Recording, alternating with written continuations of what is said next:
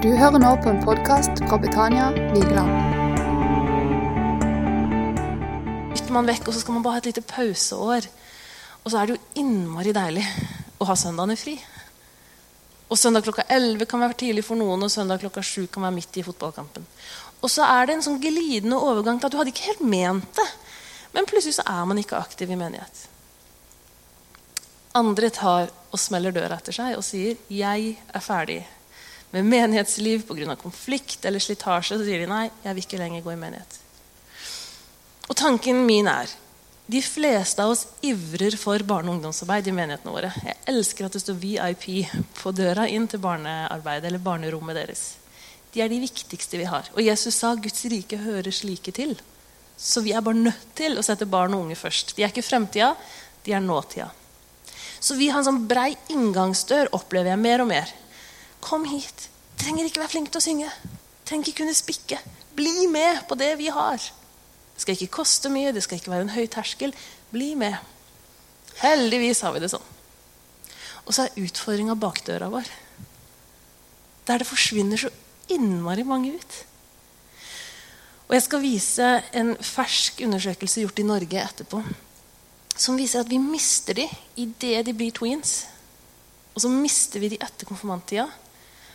Og videregående er bare som et sluk hvor vi mister de som en gang var aktive.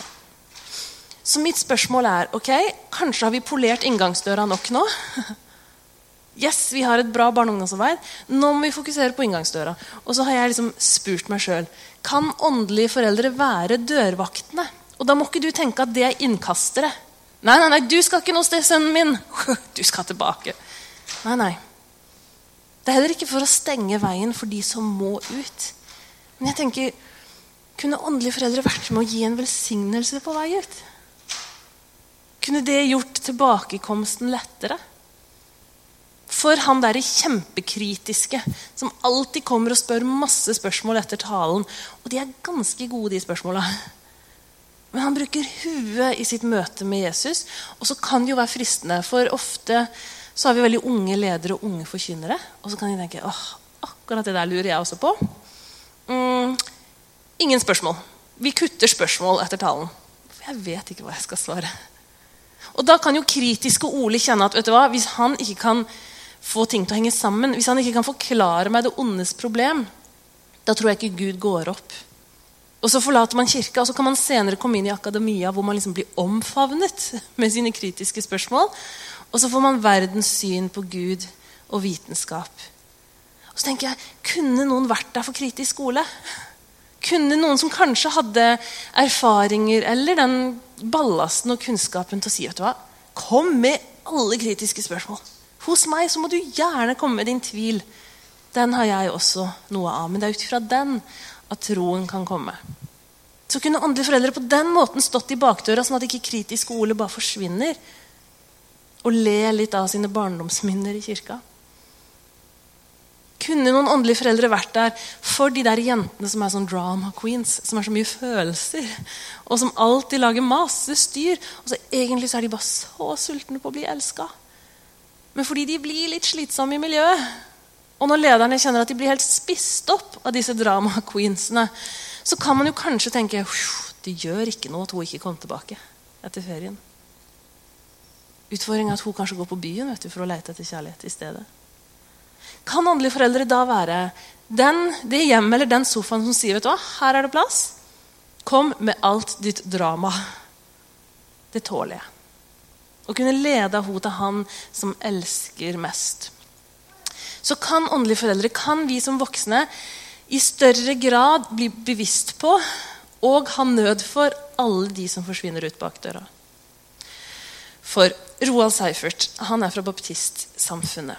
Han skrev nettopp en masteravhandling på Ansgarskolen hvor han tok for seg pinsevennenes barne- og ungdomsarbeid, altså PBU. Han tok for seg Misjonskirka Norge, deres barne- og ungdomsarbeid. Og Baptistkirka sitt barne- og ungdomsarbeid. Og da må jeg si at de de siste 20 åra er blitt prega av innvandring. Så veldig mange av baptistkirkene i Norge har en stor andel av nye nordmenn. Mm. Som dermed har ikke bare en trosmessig tilhørighet til menigheten, men en også kulturtilhørighet. Og Første delen av grafen er gode nyheter for oss i Misjonskirka Norge. Vi samler mange barn og unge. Men nedoverbakken er desto brattere. Vi mister de hvis du ser den første liksom, bakketoppen. Så er det tweens. Det er idet de går inn i tweens-arbeidet. Og kanskje min personlige teori er det det der siste året du må være med i barnearbeidet. Den siste sommeren du må på barneopplegget, og neste sommer er det twins. Men det kan være såpass kjedelig det året at du hopper av. Og så mister vi etter konfirmantalderen, og så går det bare nedover etter det. Og det gjelder ikke bare pinsevennene, Misjonskirka og baptistene. Eh, det gjelder folkekirka, det gjelder over hele fjøla. Men sannheten er jo at vi mister fryktelig mange. Mm. De sier at i et frikirkelig konfirmantarbeid så er det helt vanlig at under halvparten deltar i menighetens videre arbeid, enten det er ungdomsarbeidet eller gudstjenesten året etterpå. Så det er sånn så kjapt. Det er liksom rose i hånda og ut døra, og så er det nesten farvel på konfirmasjonsdagen. Og Det er klart, det må vi ta på alvor. og Jeg har nettopp vært i, en samtale hvor vi sier men vi kan ikke bare satse på det ene året. Vi må si at ok, kom og bli konfirmant. Noen kaller det tentro. Du har tentro 1, og så er det tentro 2, og så er det tentro 3. Vi må, vi, må, holde de, vi må lage et opplegg som er både slitesterkt, men så må det være praktisk, sånn at ungdommen ikke bare forsvinner. Og så er jeg superglad for å høre om alle tweensa som er her. Og så tenker vi en kjempeutfordring, sånn at vi kan se de samme være her når de går på videregående. Og jeg vet ikke hvordan det er her, men Videregående er jo allerede en, en alder hvor noen reiser hjemmefra. Eller pendler i hvert fall lenger for å gå på videregående. Man får nye impulser. Og det er ikke lenge siden det sto i vårt land at videregående-alderen er den absolutt liksom, det største frafallet i alle, ikke bare kirka, men i fotball og idrettsklubber, speideren. Vi mister de videregående elevene. Mm. Og jeg skal si litt mer om hva som kjennetegner den aldersgruppa, og hvorfor det kan hende skjer. Men du vet, Det er ikke så veldig trist for meg hvis folk slutter i fotball, men det er utrolig alvorlig hvis de forlater menigheten så unge. Og så viser forskning, og da er jeg tilbake på den forrige undersøkelsen, for så langt er vi ikke kommet i Norge. Så mange forlater kirka, men noen kommer tilbake når de vil ha barna i søndagsskole. Så dukker de opp. Takk og lov. Og så er kanskje intensjonen at barna skal komme på søndagsskole, men så kan det skje noe i foreldrehjerter også. Det lurer de på om er en utdøende trend, men de har som sagt ikke liksom norske tall på det. Så det kan synes som at forlater de nå kirka, så har de heller ikke så behov for å gi barna sine det samme som de da selv fikk i det trygge søndagsskolemiljøet. Så vi har en kjempeutfordring på å nå mennesker i alle aldre i dette landet. Men først og fremst de vi har hos oss, som vi mister. Og da kan ikke vi si dette må vi si til ungdomsarbeideren vår, sånn at han sørger for at dørene er lukka. Og litt for ofte tror jeg vi har tenkt det er de unge som må ta seg av de unge. Ja, Det er de unge som er tiltrekkende og kule nok. Det er de som må ta seg av de unge. Og så skal vi be. Og I noen menigheter så tror jeg ikke av vond vilje.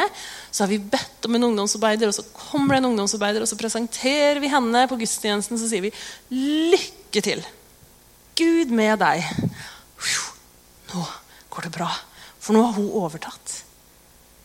Og du skulle høre, altså, Hadde du sett tallene på frekvensen i hvor lenge ungdomsarbeidere holder, så er den sørgelig kort.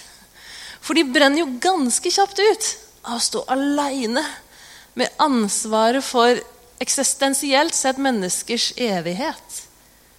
Og i tillegg tenåringers opprør og fjas og fnis og tull. Så til sammen så, Ungdomsarbeidere er dessverre ofte på rullering også pga. livsfasen de er i. Men mange sier at de var helt aleine i den oppgaven de gikk inn i. Jeg husker sjøl at jeg var med i Ungfyla i ungdomsarbeidet i Philadelphia kirka i Oslo. Og så var det den eh, våren hvor jeg liksom på sommeren ble 30. Og de fleste av vennene mine, Da var jeg singel og hadde ikke liksom familieforpliktelsene.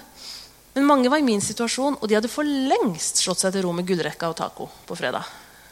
Og jeg jobba 100% og kjenner jo til den dag i dag hvor deilig fredagskvelden er i sofaen. Så jo liksom, eldre jeg ble, jo mer liksom, tiltak ble det å gå ned på det ungfila-møtet. Jeg var med og prekte, jeg var med og leda litt. Og jeg bare visste at det her er viktig. Men så kom tanken da jeg var da 29,5. Tenk om jeg bare er blitt for gammel for det her, og så har jeg ikke sett det sjøl. Tenk om de syns det er skikkelig teit at jeg kommer og sitter på bakerste rad. Og det er en farlig tanke å slippe til. Under 30 og for gammel for ungdomsarbeid? Nei. Vet du hva, Hvis du nærmer deg 60, så er du ikke for gammel for ungdomsarbeid. Hvis du fortsatt lever, så er du ikke for gammel for ungdomsarbeid. Da vil jeg si at det er ikke sikkert din plass blir her. Nei, nei, Det kan hende din plass er i rommet som forbeder, som samtalepartner. Og obs, obs, ikke bare ute på kjøkkenet. For jeg er veldig glad for alle voksne som står på og steker Grandiosa til ungdommene våre. Men de unge vil ha mer enn pizza. De vil ha deg. Og Tilbakemeldinga fra så mange ungdomsmiljøer, ungdomsmiljøer er at hvis de har noen med grått hår, så kjennes det ikke lenger som en hjemme alene-fest. Sitat slutt. De har lyst til at voksne skal være til stede i ungdomsmøtene, i ungdomsarbeidet, på turer. Og hvis du fortsatt er i 20-åra og tenker ja, men Så skjønner jeg godt fristelsen av å holde seg hjemme, men ikke fordi du er for gammel. Og jeg tror vi litt for tidlig har pensjonert oss fra den aldersgruppa under. Det samme kan jo sies om småbarnsarbeid. Selv liker jeg til barneklubb husker jeg, annenhver tirsdag i Misjonshuset i Kristiansand. Og i mine øyne så var hun som leda den barneklubben, kjempegammel. Det tror jeg ikke hun var. Men hun hadde ikke barn på min alder. Hun hadde voksne barn. Og nå så tenker jeg, tenk at Tordis stilte opp annenhver tirsdag og hadde barneklubb. Og vi tegnte og vi lekte, og så ba vi for misjonærene våre, og så fikk vi andakt, og så sang vi. I dag vil jeg påstå at barnearbeid, søndagsskolearbeid eller barneklubber drives nesten utelukkende av småbarnsforeldre. Det er nesten bare oss foreldre som står på for barna våre. Og så er det heldigvis noen unntak. Fordi noen sier ja, men de her barna er jo like viktige selv om de ikke er mine. Og de her barna er jo like viktige selv om de nå er like gamle som barnebarna mine. Jeg står på videre. Vi har en del eh, barnehageansatte i menigheten vår. Og jeg har liksom av og til foreslått ja, men de hadde vært bra å ha inn i søndagsskolen. Og da er det noen andre som sier nei, men de må få slippe. De har sammen med barn hele tida ellers. Da vil jeg bare spørre deg, småbarnsforeldre. Vi er ganske mye sammen med barn både natt og dag, vi òg. Skulle ikke vi få slippe? Nei, selvfølgelig ikke, for hjertet vårt er barna våre må få tak i Jesus. Jeg vil at ungene mine skal kunne de bibelhistoriene jeg lærte da jeg var liten. Men det er en pressa livssituasjon å skulle være de eneste som står for barnearbeidet. Så ære være å heie de som tenker søndagsskole for flere enn sine egne barn. Det handler jo om at generasjonene tar ansvar for den generasjonen etter. Mm. Jeg har sagt noe om hva dette resulterte i. Det blei en bok. Det, ble, det, har blitt veldig mange samtaler. Eh, og egentlig ganske hjerteskjærende møter i etterkant. Både når jeg er de stedene hvor de eldre sier ja, men det er ingen unge igjen. Vi har ikke neste generasjon her. Eller når jeg er steder hvor jeg holdt på å si preker til koret, hvor det er de unge som sier ja, men det her vet vi jo at vi har behov for. Det er ikke nytt for oss at vi trenger åndelige foreldre. Men har du en liste med navn og nummer? Har du noen å tilby oss? Jeg tror, og det skal jeg si mer om, at vi sitter på hver vår tue og til tider misforstår hverandre, og så møtes vi ikke. Og så er jeg klar over at ordet åndelige foreldre for noen kan kjennes litt pretensiøst eller litt stort. Og da tror jeg faktisk at det er mest liksom den voksne generasjonen som rygger av ordet åndelig, mer enn de unge gjør det.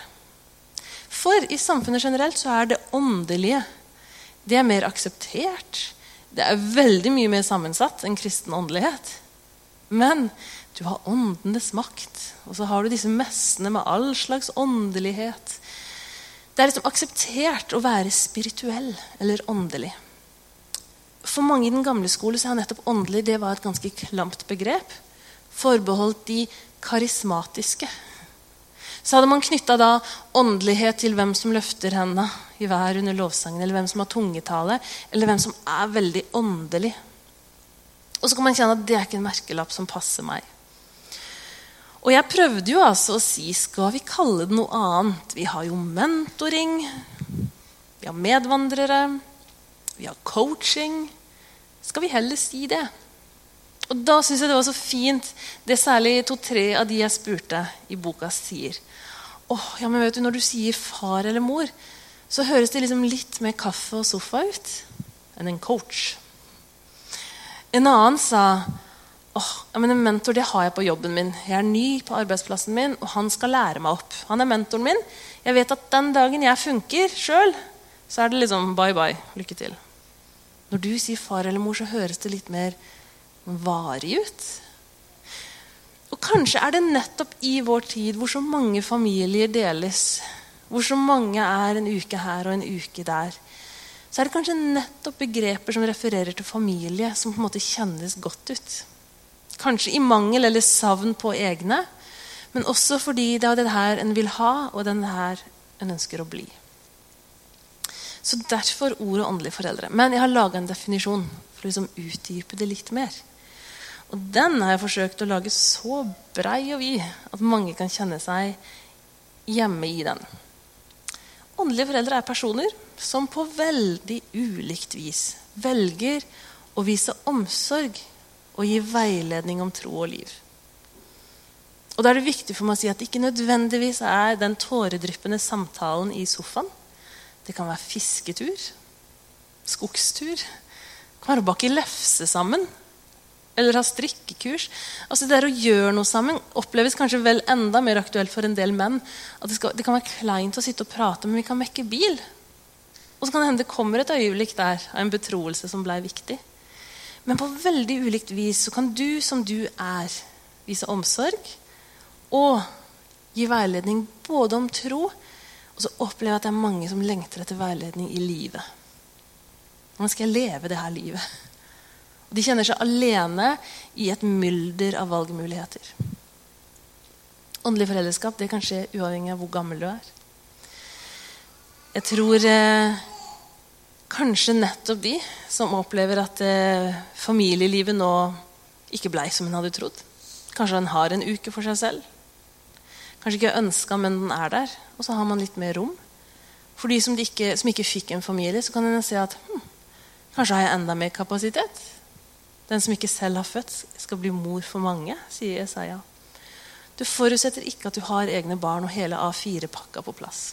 Jeg tror det kan skje tidligere enn vi selv forventer. Men jeg tok med at det kan skje uavhengig alder, ikke for å oppmuntre de unge, men for å oppildne de eldste iblant oss. For så mange tror at de er gått ut på dato i Guds rike. Så mange opplever at menigheten er blitt fremmed, og de er blitt for gamle. Og da kan nettopp dette med å være som en far eller mor for noen yngre enn seg, være den nye tjenesten. Det kan liksom være den rikeste tida i livet, men det er en tjeneste på en helt annen måte. Så det er for å si at du, du er ikke for gammel for å være med på det Gud ønsker å gjøre i livet ditt. Og Grunnen til da at jeg har liksom gått videre med dette åndelige foreldrebegrepet, det er nemlig denne assosiasjonen og tryggheten mange kan kjenne til foreldrebegrepet. Og så viser det seg også at det er jo hjemme det skjer. Og dette er trosopplæringsbasics.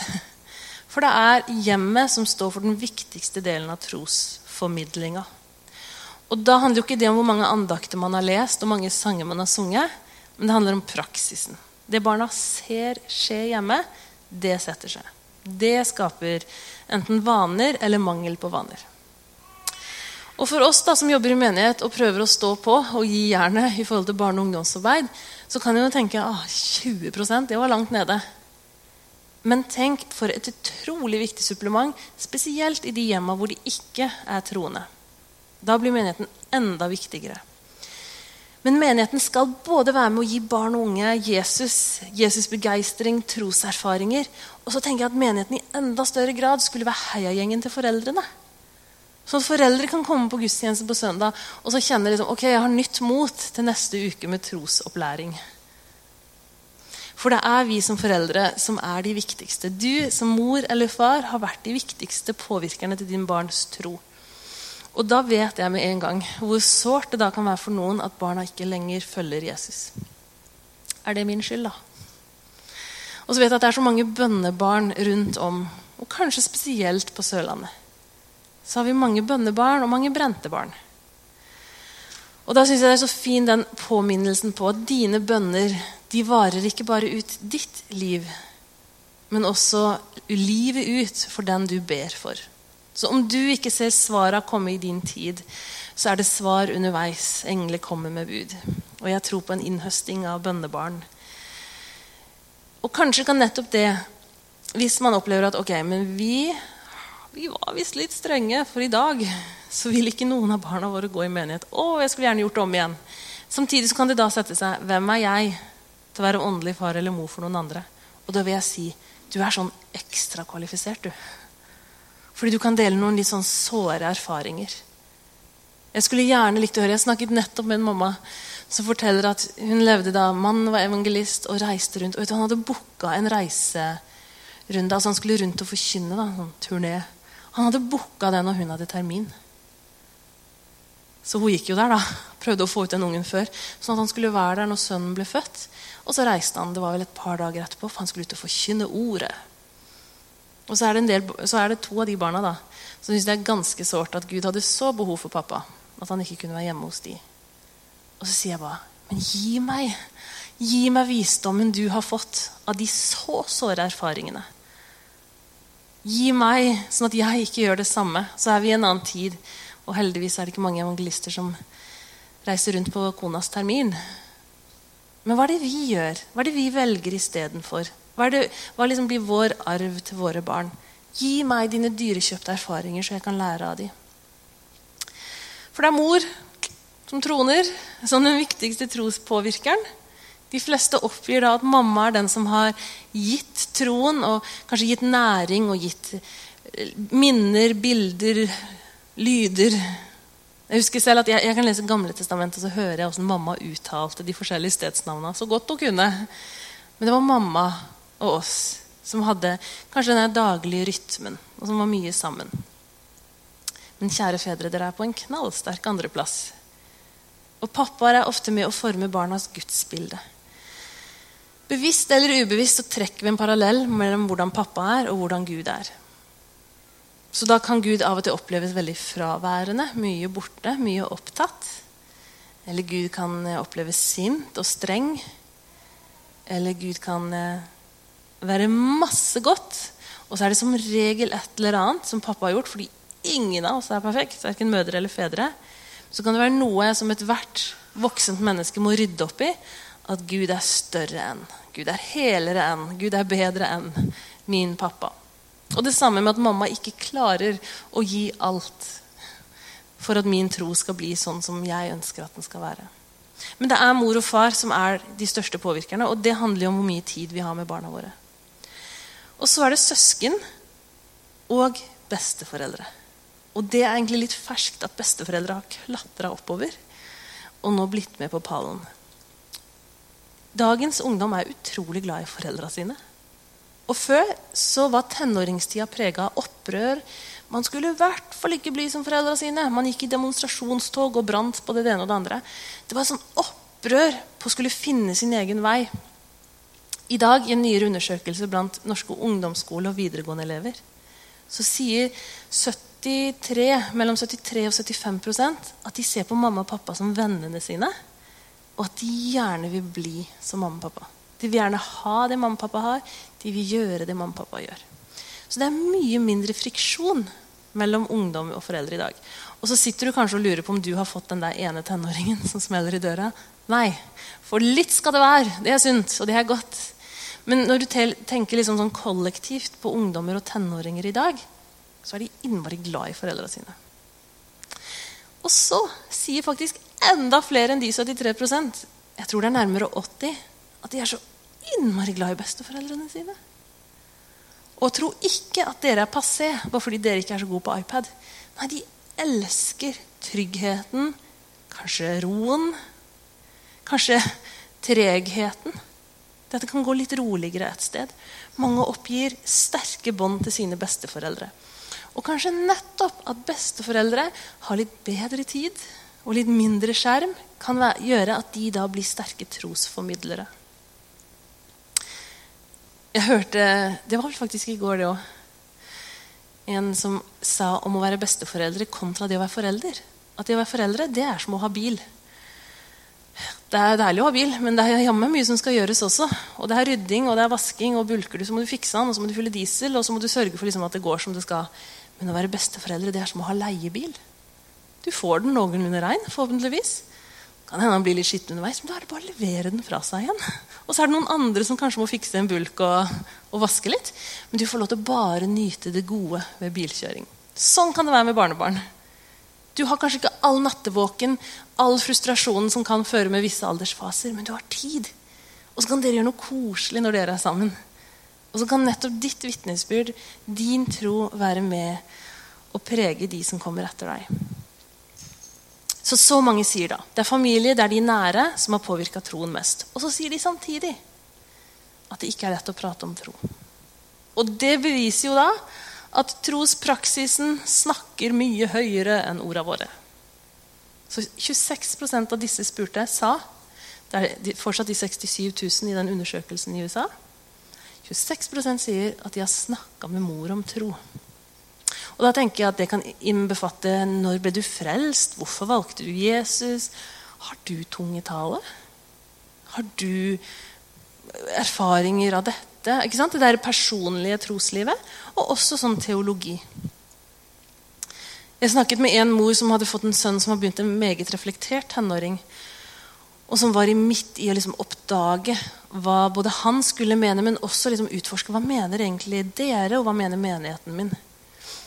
Og hun var bare så overraska over at ikke han liksom automatisk hadde skjønt ting og tang. Ja, men Det er jo selvsagt at vi er for det. Ja, men Det er jo selvsagt at vi vil det. Ja, det og hun hadde liksom tatt så mye for selvsagt. Og så kommer den 15-åringen og har masse gode spørsmål. Og så får de en kjempefin stund. Fordi de snakker om det. Enda færre sier at de har snakka med far. Og så spør man seg hvorfor det. Veldig mange sier, vet du hva Når skal vi ha tid til det òg? Jeg er jo ikke inne i den travleste tida ennå, har jeg skjønt. Men det kommer jo en tid for å være privatsjåfør. Og det er mange slitne foreldre som kjører hit og dit og opp og ned og i mente. Og som opplever at oppfølginga av barn både på skole og i fritidsaktiviteter tar masse tid. Så når skal vi rekke det her, da? Og så sier de Og hvordan skal det se ut? Hvordan skal vi gjøre det? Jeg har aldri snakka med pappa om det her. Og faktisk vil jo mange si det er lettere å stå her og vitne enn å snakke om det samme rundt middagsbordet. Ja. Og så er det liksom, Når kan vi lage en ramme rundt det som gjør at det blir naturlig?